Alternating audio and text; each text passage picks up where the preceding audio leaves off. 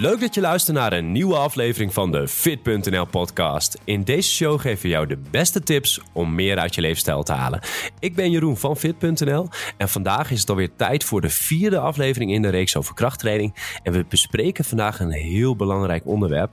Veel mensen die bij ons komen willen zo snel mogelijk veel spiermassa opbouwen. Dus we gaan het vandaag hebben over wat is nou precies realistisch? Hoeveel spiermassa kun je opbouwen in de eerste trainingsjaren? En wat is je maximale potentieel.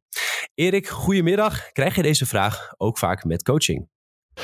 Jeroen, uh, goedemiddag. Ja, zeker. Ja, vooral uh, met name bij mannen die dan net beginnen, die willen dat heel vaak weten. Dus een uh, ja, heel relevant onderwerp om wat meer realistische verwachtingen te scheppen bij mensen. Mm, ja, ik uh, merk dit vaak met coaching dat uh, klanten bij ons komen en dan een of andere foto van een heel gespierde persoon laten zien. Soms is dat dan echt een maximale wat je eruit kan halen. En dan zien ze al foto's op internet before en afters en ik van ah, dat kan wel binnen één of twee jaar. Maar vaak kost zoiets toch echt wel vijf of tien jaar aan training. Dus dat is wel vast even een soort van spoiler die we willen meegeven. Kost gewoon heel veel tijd. Nou, we gaan eerst in deze podcast hebben over over hoeveel spiermassa kun je opbouwen in de eerste paar jaar. En wat is je maximale potentieel. En daarna gaan we het hebben over spierkracht. En afsluitend gaan we het ook nog even hebben over coaching. Dus hoe ga je zo'n gesprek aan dat je die realistische verwachtingen communiceert. En dan ook iemand meeneemt daarin. En hoe kun je dan het plezier behouden als toch het best wel veel tijd kost. Dus laten we eerst starten met het uh, model van sportvoedingswetenschapper Alan Aragon. Die hebben wij ook geïnterviewd, onder andere ook in deze podcast. En die heeft een heel mooi model meegegeven. En die maakt een onderscheid tussen beginners, semi-gevorderde en gevorderde. En bij beginners is dat als je ergens tussen 0 en 2 jaar traint. Semi-gevorderd is ergens tussen de 2 en 5 jaar. En gevorderd als je 5 jaar of meer serieus traint. Dus het gaat niet om dat je dan wat meer, ja, één keer per week even een beetje sport. Maar het gaat om dat je dan echt alles in het groen hebt. Uh, serieus met krachttraining aan de slag bent. Jezelf verbetert. En echt ook onderzoek doet naar wat bij jou past. Uh, en als je dan die cyclus doorgaat, dan zou je na 5 jaar gevorderd zijn in uh, onze ogen. Ja, Erik, jij bent de man van de cijfers. Uh, neem ons mee in de cijfers. Wat kunnen we mensen ongeveer verwachten als beginnen? Ja, nou ja, jij, jij zei net hiervoor van dat mensen dan hopen dat ze in 1, 2 jaar een bepaald fysiek hebben opgebouwd. Maar het is vaak wel binnen 3 en 6 maanden dat ze dat hopen. Omdat in sommige marketinguitingen staat er dan, ja, deze transformatie kan je binnen drie maanden bereiken. En dus laten we gelijk even dit in de context gaan plaatsen. Ja. Nou ja, volgens het model van Alan Aragon uh, kunnen beginners, in, nou, die kunnen dan in de eerste maanden, tot, dat jij zei, hè, ongeveer anderhalf tot twee jaar, ongeveer 0,8 kilo uh, per maand opbouwen. En dan ga ik ervan uit dat iemand 80 kilo weegt. Mm-hmm. Want het is ongeveer 1 tot 1,5 procent per maand van je totale lichaamsgewicht. Dus even in de context, ben je 80 kilo, dan kan je ongeveer 0,8 kilo per maand opbouwen. En daarvan zal ook een gedeelte vet zijn. Want het is niet altijd alleen maar ja, spieren. En uh, semi-gevorderde, dan zit het uh, op 0,4 kilo per maand ongeveer. ongeveer halveert 0, het al. Dan halveert dus eigenlijk al je progressie. Ja, ja dan praat je dus ongeveer ja, 2, 3 kilo spiermassa per jaar. Uh, gokje. En dan gevorderd, nou dan zit je echt nog maar op 0,2 kilo per maand. Ja, je, je, ziet ook echt gevorderde bodybuilders, dus die heel lang meedraaien. En die zijn al blij als ze ergens tussen de 500 gram en een kilo per jaar erbij uh, kunnen trainen en eten natuurlijk. Op een natuurlijke manier. Dus echt uh, ja, de drugsvrije atleten die op topniveau uh, sporten en die op zo'n niveau al bereikt hebben. Nou, als die een kilo erbij, dan zijn ze al heel blij. En dan noemen ze dan ook de wet van de verminderde meeropbrengst. Dus hoe gevorderder je wordt, op een gegeven moment maak je steeds kleinere stapjes in het opbouwen van, uh, van spiermassa. Dus dat is, uh, op een gegeven moment moet je ook gaan focussen niet meer zozeer op die grote stappen qua progressie, maar meer op dat je beter wordt in een oefening en daar plezier aan beleeft. Maar daar gaan we later nog op in, hoe je die intrinsieke motivatie uh, bevordert. Erik, heb jij dit ook, kom je dit ook terug in de praktijk met coaching, dat je ziet dat deze, deze stappen gemaakt wordt? Um, ja, ik vind het heel veel eigenlijk van dit model. Uh, van 0,6 kilo per maand aan spieren of 0,5 als beginner vind ik echt wel behoorlijk veel. Uh, dan moet je echt wel alles in het groen hebben staan. Dus een of andere filmset uh, zoals Christian Bill die dan ging trainen voor Batman. Mm -hmm. hij was eerst in die film dat hij zo'n slaapstoornis had en toen ging hij was hij een hele, ja, in een jaar was hij super veel aangekomen in gewicht en ook in spiermassa. die, gaat er, die leeft er dan helemaal voor. Dus ik denk wel, als je er helemaal voor kan leven en ook mhm. die motivatie hebt, dat dat wellicht zou wel kunnen. Maar je ziet meestal in de praktijk dat dit niet zo gebeurt. Ja, mhm. want mensen hebben toch ja, allerlei verplichtingen. Als je studeert heb je tentamenweken, je hebt daarvan stress, wat misschien minder goed maakt of je gaat op stap of je hebt andere verleidingen. En aan het werkleven heb je werkstress. Sommige mensen hebben kinderen, nou dan slaap je ook slechter. Dus ik denk de theorie voor, voor, voor de meeste mensen het gemiddelde, ja, wat dan ook het gemiddelde is, maar zou dit denk ik wel kunnen. Alleen ja, er zijn heel veel beperkende factoren. Mm. Uh, ja, die, die liefst ook met coaching zoveel mogelijk in het groen wil gaan zetten. Maar die het wel wat, uh, wat kunnen vertragen. Ja. ja. ik denk dat dit echt een hele, hele goede tip is. Wat ik, eh, dus wat, ik, wat jij ook zegt, wat ik ook vaak zeg met coaching, is alles in het groen hebben. En je moet gewoon echt daar volledig voor, willen gaan. Als je die cijfers wil halen van die 0,8, maar ook wel later als je nog die 0,2 uh, per maand als echt gevorderde nog wil opbouwen. En dan moet je gewoon alles uh, goed hebben. Want anders ga, maar ga je ook niet die progressie maken. Nou, uh, laten we een uh, volgende stap maken. Zijpaadje naar het verschil tussen mannen en vrouwen. Want dat is ook wel boeiend. Uh, vaak wordt gedacht dat mannen veel meer spiermassa kunnen opbouwen. Nou, dat klopt relatief gezien ook. Want mannen, mannen hebben een grote frame, hebben meer botmassa.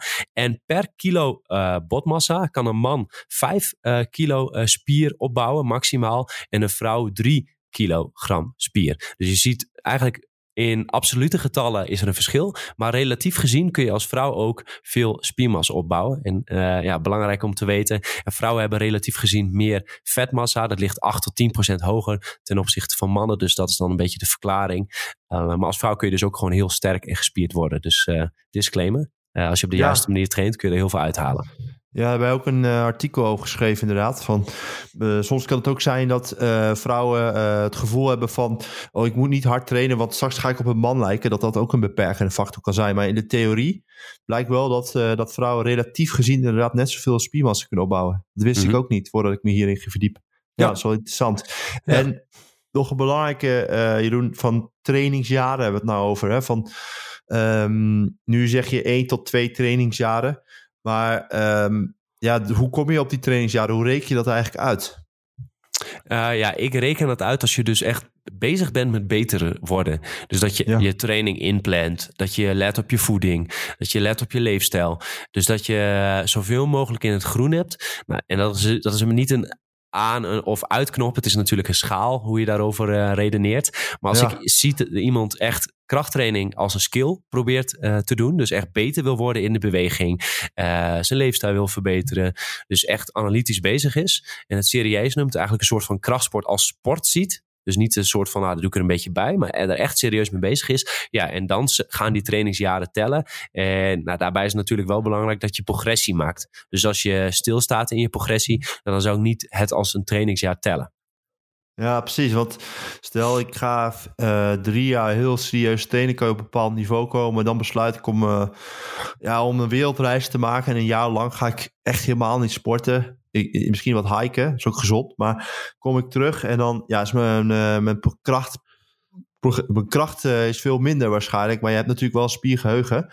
Dus ja, dat, dat kan je niet zo meten. Maar het is wel belangrijk om, voor mensen om, om te realiseren dat, dat je dan uh, wel bepaalde spiergeheugen hebt. Je hebt wel een bepaalde uh, ervaring opgebouwd. Maar je zit mhm. natuurlijk dan niet meer uh, op het niveau van, die, van wat het einde was van die derde trainingsjaar. Nee, absoluut niet. Maar qua, je, hebt ook een bepaalde kennis opgebouwd en je hebt bepaalde efficiëntie. Kijk, want krachttraining is niet zozeer alleen maar spiermassa. Een mooie van krachttraining is dat je ook beter en efficiënter wordt in de beweging. Dat beweegpatroon, bijvoorbeeld van de squat of van de benchpress, dat is een soort van filmpje wat in je, in je hoofd opgeslagen zit. En je leert gewoon dat filmpje steeds efficiënter afdraaien. Je leert steeds efficiënter die, die barbel bewegen. Nou, en dat sla je wel op. Dat is net zoals gitaar spelen. Als je dat een tijdje hebt gedaan en je pakt de gitaar er weer bij, dan kun je zo die akkoorden weer spelen. Dat zit gewoon in het systeem. Dat is dat filmpje wat afspeelt. Dat heb je ook met krachttraining. Misschien is dat wel een beetje roestig als je dan weer terugkomt net van die wereldreis en dat het net wat minder lekker gaat. Maar geef het één of twee weken en je zit alweer aardig in je squat of bench patroon. En dat is wel het mooie aan krachttraining. Krachttraining is een skill en het is niet alleen maar gewoon domme spiermassa. Dus dat wil ik mensen echt duidelijk maken. Als jij bezig bent met krachttraining en je telt die trainingsjaren, dan word je eigenlijk efficiënter en beweeg je beter. En dit sluit ook aan bij het volgende onderwerp, wat heel belangrijk is. Want mensen denken van ja, in de eerste maand of de eerste twee maanden, als ik gewichten aanraak, begin ik gelijk spiermassa op te bouwen. Nee, in die periode, juist die eerste nou, paar weken, zul je zien dat je lichaam vooral bezig is met gewoon gewend raken aan de beweging, efficiënt leren bewegen. En je ziet dan pas na maand 2, maand 3, maand 4, dat je dan een bepaalde vorm van beweging hebt, dat je weet wat je aan het doen bent. En dan beginnen die eerste, dan beginnen die eerste trainingsprikkels ook ervoor te zorgen dat je spiermassa gaat opbouwen. Nou, en dan na twee, drie jaar, dan, dan neemt dat natuurlijk uh, toe.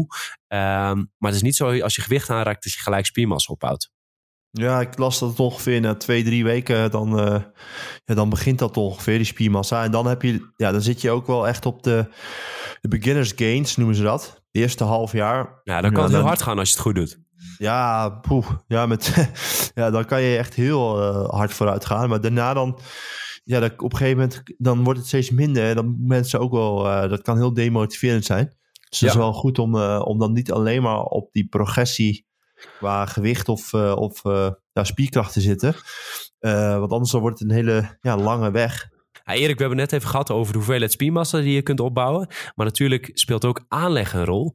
En je kunt dat uh, meetbaar maken door onder andere te kijken naar de hoeveelheid botmassa. Nou, het was al het verschil tussen mannen en vrouwen. Bij een vrouw is 1 kilogram uh, bot uh, resulteert ongeveer correleren met 3 kilogram spiermassa. En bij een man is dat bij 1 kilogram bot 5 kilogram spiermassa.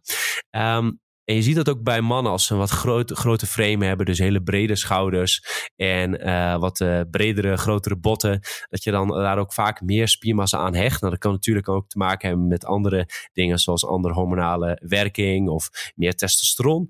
Maar Casey Butt, dat is een uh, onderzoeker en die heeft hier een mooie methode voor gevonden. En die heeft enkel- en polsomtrek heeft hij een formule meegemaakt. Dus als je die invult in die formule, dan krijg je je maximale potentiële hoeveelheid spiermassa dus die zetten we ook even in de show notes. Dan kun je enkel en je polsomtrek meten en dan kun je kijken wat is uh, mijn maximale hoeveelheid spiermassa. Natuurlijk is dit een inschatting. Uh, maar dat zegt iets over de hoeveelheid vrij, vetvrije massa. En er zijn natuurlijk altijd beperkingen en afwijkingen. Maar het is om een ideetje te geven over je maximale potentieel. En zoals ik zei, het is niet de hoeveelheid alleen de botmassa. Maar het is natuurlijk ook je omgeving die een rol speelt. Of jij vrienden in je omgeving hebben die sporten. Het is je hormonale werking. Uh, is je, je, je, mindset. Dus wat je mee is gegeven. Uh, in hoeverre je het ook leuk vindt. Dus er zijn heel veel factoren die jou uh, aanleg, maar ook je omgeving bepalen. En die ervoor zorgen of je wel of niet je maximale potentieel behaalt. Het was wel interessant uh, dat je dat model van die Casey Butt over die enkel- en de polsomtrek. We hebben hier ook nog uh, voor mij heb ik een model van uh, Eric Helms. Dat gaat dan over vetvrije massa. Zou je daar mhm. wat meer over kunnen vertellen? Ja, dit is ook wel een interessant model. Natuurlijk zijn modellen, geeft altijd een inschatting. Maar ik denk dat het voor de luisteraar ook wel boeiend is. want je kunt vetvrije massa kun je ook in een getal zetten. Nou, en dat, hoe je dat getal berekent, zetten we in de show notes. Maar ik neem even mee naar de cijfers.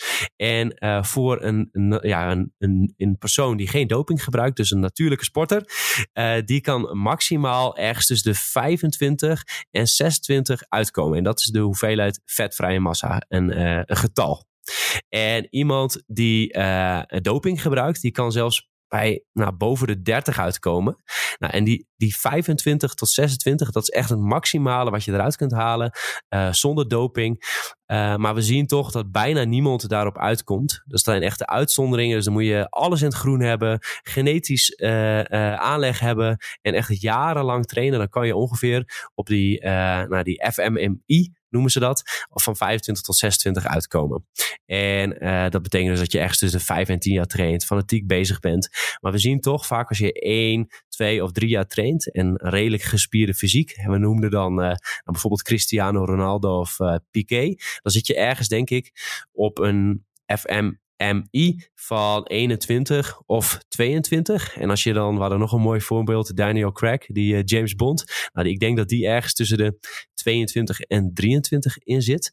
Dus die moet ook nog een hele tijd doortrainen om op, een, om zeg maar op die 25, 26 te komen. En dan moet hij ook nog alles in het groen hebben en ook aanleg hebben. Nou, hoe dat grafiekje precies werkt en wat die getallen precies zijn, dat zetten we even in de show notes. Want dat is een mooie manier om het te berekenen. En ook voor jou om te bepalen in hoeverre je, je tot je genetisch potentieel bent gekomen.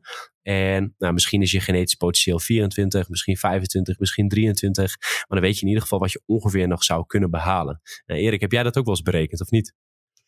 Ja, ik wil je nog vragen. Weet je ook ongeveer als je niet sport, mm wat voor uh, eh, FFMI je dan ongeveer zit?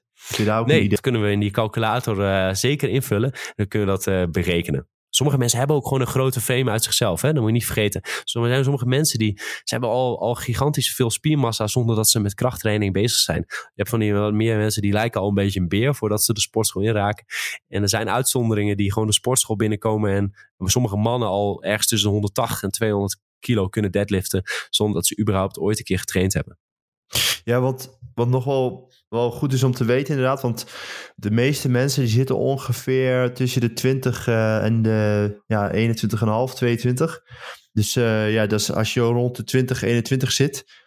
En dat is best wel een normaal uh, fysiek als je gewoon jarenlang traint. En, en uh, volgens mij zit ik zelf ook ongeveer op 21, dus nou, 20 hoog.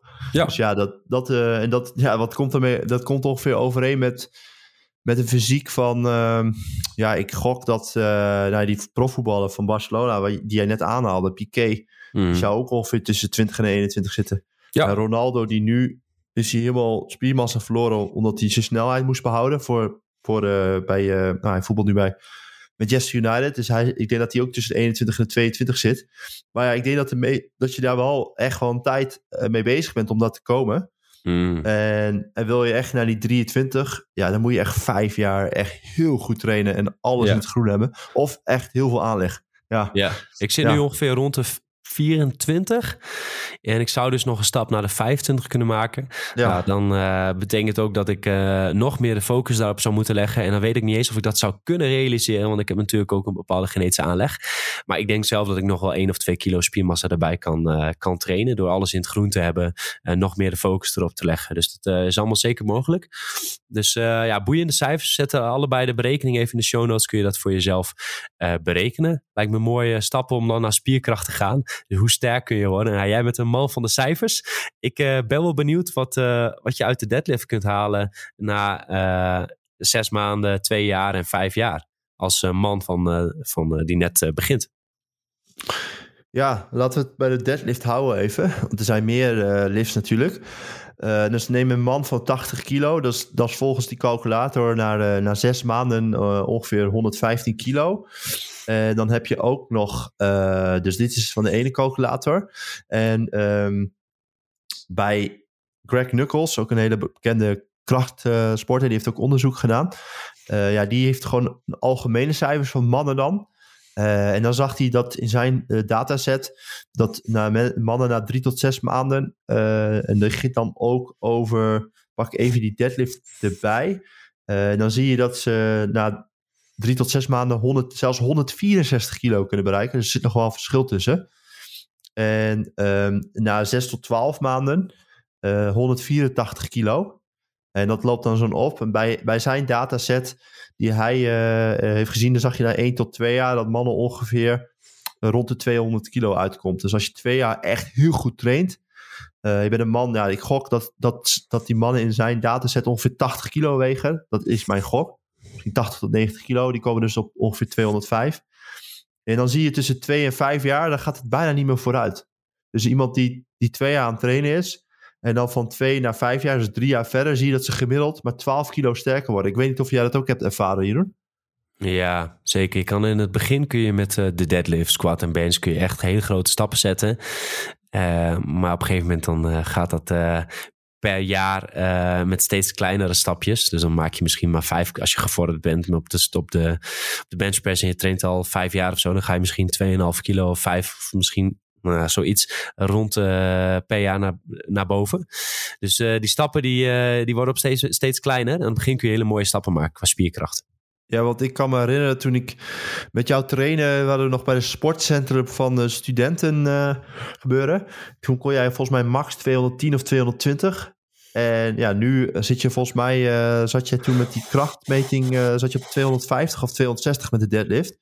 En dat is dan zes jaar verder, geloof ik, toch? Vijf jaar? Dus ja. komt wel ongeveer overeen. Dus echt dat je ongeveer 8 kilo, 10 kilo per jaar sterker wordt. Dat is nog meer dan hier zelfs, wat je hier ziet. Ja. Ja, dat is dan ook een lift waar ik dan redelijk wat aanleg voor heb.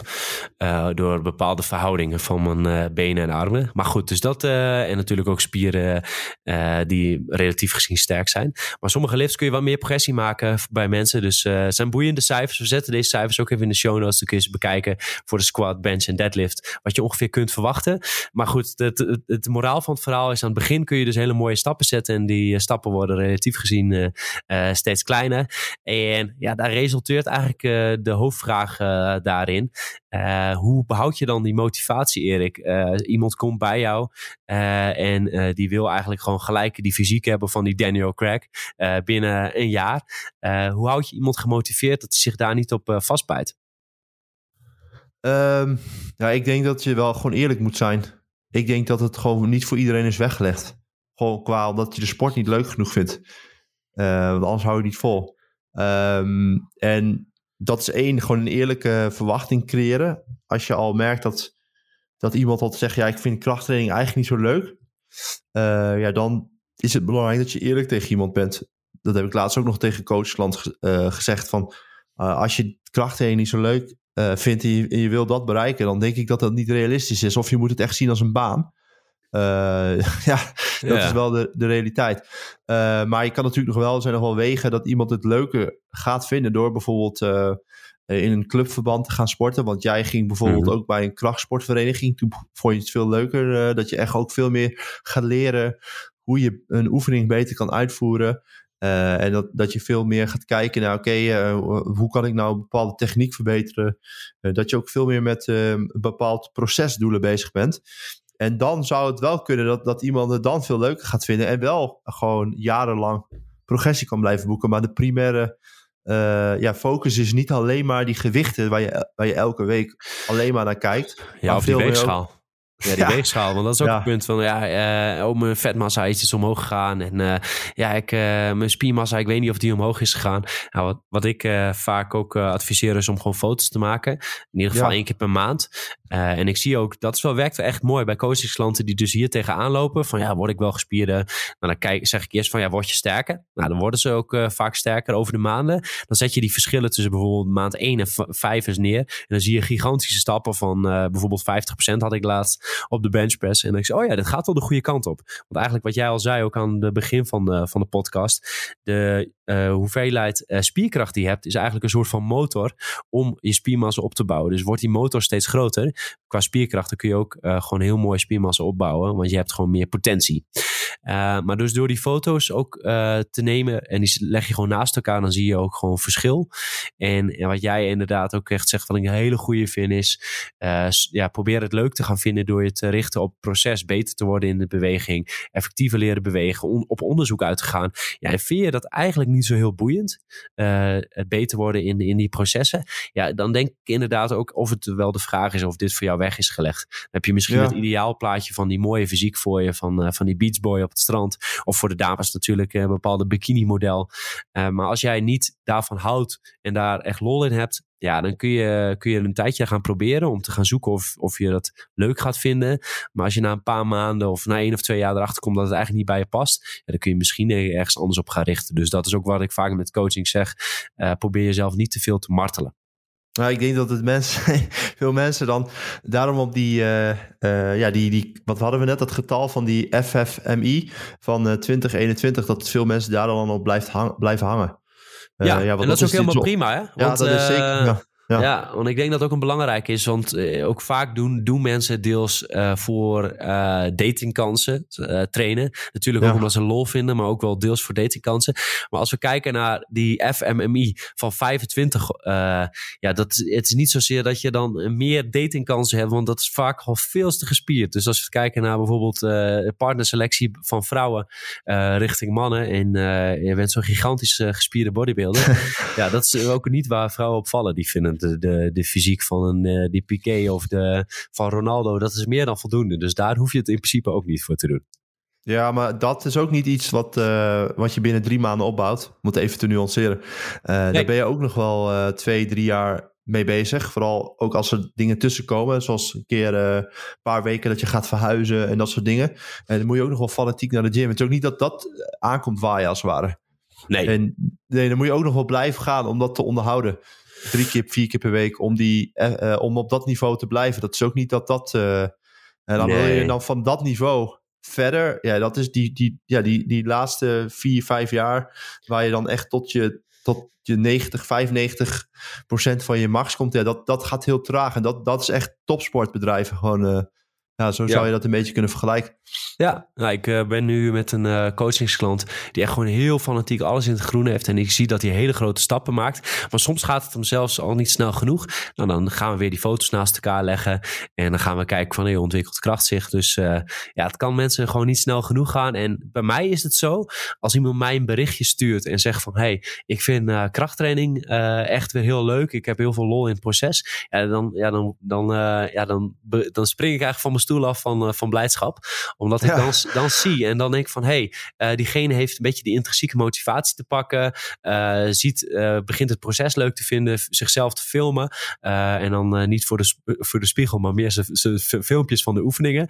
En dan zie je echt gewoon progressie qua uitvoering. bewust wordt van zijn, van zijn lichaam, op welke, hoe, de, hoe de spieren bewegen en hoe die efficiënter kan leren bewegen. Als iemand in dat proces lol krijgt, ja, dan zie ik ook die resultaten gewoon echt omhoog gaan. Omdat uh, je dan echt die intrinsieke motivatie te pakken hebt. Dus als ik zo'n berichtje kreeg, en die kreeg ik laatst weer van een, uh, van een coachesklant, ja, toen werd ik echt blij.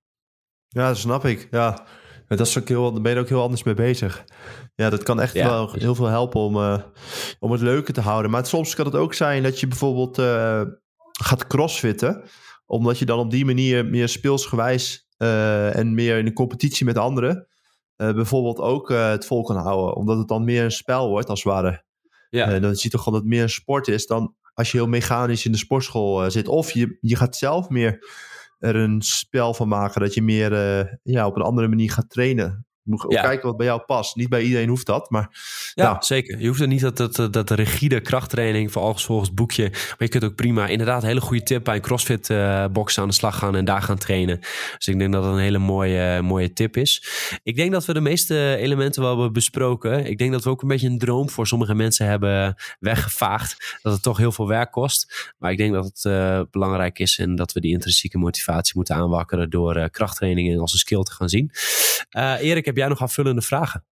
Ja, Jeroen, uh, ik word uh, helaas uh, volgend jaar 35. Ja. En ja, na je dertigste het takeltje lichaam af, mm -hmm. zeg zoals. Ja. Nou, die, die overtuiging heb ik niet hoor. Maar ja. um, hoe, wat is de invloed eigenlijk van, van je leeftijd op het opbouwen van kracht en spiermassa? Want vroeger werd mij wel eens gezegd van ja, wacht maar tot je 30 bent. Dan ja. gaat alles achteruit. Hoe zit dat dan eigenlijk nog? Ja, nou, dit is een hele boeiende. Ik denk dat we hier een aparte podcast over kunnen opnemen. Want we zijn hier ook momenteel onderzoek naar aan het doen. Zegt uh, laatste papers over aan het lezen. Maar ik kan alvast wel een kleine spoiler geven.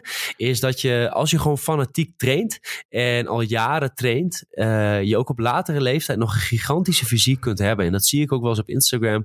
Uh, sporters van 60 of 70. Die nog heel gespierd zijn. Dus als je alles in het groen hebt. Dat je precies weet wat je aan het doen bent. Dan kun je uh, zelfs op die leeftijd nog spiermassa opbouwen. Of uh, je, je hoeveelheid spiermassa behouden.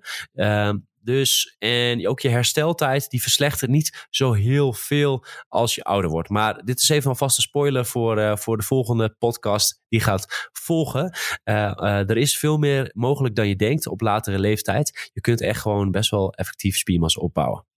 Zijn dat ook video's of waren het alleen maar foto's die nee, zijn? Nee, zeker. Ook, uh, ook uh, video's. Uh, zeker. Er is gewoon echt, is echt heel veel mogelijk. Mensen laten, hebben een soort van zelfbeperkende gedachte van het lukt niet als ik ouder word. En daardoor gaan ze ook net dat stapje terug doen. minder, minder zwaar trainen. minder van zichzelf eisen. Maar je moet natuurlijk wel letten op de belasting en belastbaarheid. je spieren en gewrichten en pezen zijn natuurlijk wel, als je wat ouder wordt, rond in die 60, 60, 70, moet je natuurlijk wel op een verstandige manier trainen. En misschien het trainingsvolume net wat naar beneden schalen. En de intensiteit ook. Maar je kunt uh, alsnog uh, veel spiermassa opbouwen als je jezelf niet laat beperken in je eigen gedachten. Ja, mooi. Dat is een, uh, een mooie toekomst. Ja. Ja. ja. op de komende jaren, maar in ieder geval 35, uh, worden nog uh, uh, wereldrecords gezet. zijn zelfs lifts worden op de squat en deadlift worden zelfs wereldrecords gezet richting 45 tot 50 jaar. Dus zelfs die de hoeveelheid trainingsjaren, als je goed traint, kun je gewoon heel lang sterker worden. Ja, oké. dus als ik nu weer 10 jaar super fanatiek als topsporter zou gaan krachten, dan kan ik nog steeds weer wereldrecord uh, ja. zetten. Ja. ja. maar je ziet het ook met duursport. Hè? Je ziet ook, uh, uh, daar, worden ook, daar kun je ook nog heel goed presteren richting de mid 30s, eind 30s. Ja, dat, ja, oké, dat is NS1, maar daar heb ik mijn eigen ervaring ook mee. Dat ik dus te begin dit jaar na tien jaar heb ik weer fanatiek was ik gaan hardlopen, gewoon als test. En het ging heel hard vooruit. Dus uh, dat, dat uh, terwijl ik dat vanaf mijn achttiende niet meer zo fanatiek had gedaan, ja, was gewoon rustig joggen voor fitheid. Maar dat ging ook nog heel hard vooruit. Dus ik geloof het ook wel dat het, uh, dat het kan. Ja, ja ook met zeker. krachttraining. Ik denk dat het een mooi uh, punt is om mee af te sluiten. Hoop, dus er is heel veel mogelijk. En ook op latere leeftijd, ook als je jong bent, je kunt gewoon heel veel spiermassa opbouwen. En als je dit op een effectieve manier wil doen, zo snel mogelijk, dan hebben wij daar handige tips voor. En een compleet stappenplan. Dus wil je die volgende stap zetten en, en wil je dat zo snel mogelijk doen, uh, ga dan naar fit.nl slash premium. En daar vind je onze ledenomgeving met handige trainingsschema's, uh, voedingsschema's en een compleet stappenplan. zodat je niet allerlei fouten hoeft te maken, maar gelijk zo effectief mogelijk traint. Dus eh, dat vind je ook in de, show notes fit.nl slash premium. En dan kun je gelijk aan de slag met ons stappenplan en de trainingsschema's om zo effectief mogelijk uh, krachttraining te doen, spiermassa op te bouwen. Um, dat was hem voor deze keer, Erik. Bedankt voor alle interessante eh, vragen. En de luisteraar, bedankt voor het luisteren. Vind je deze podcast uh, waardevol? Uh, dan zouden we het heel leuk vinden als je deze show deelt via social media. Tag FitNL en share het on social media. Thanks voor het luisteren en tot bij de volgende.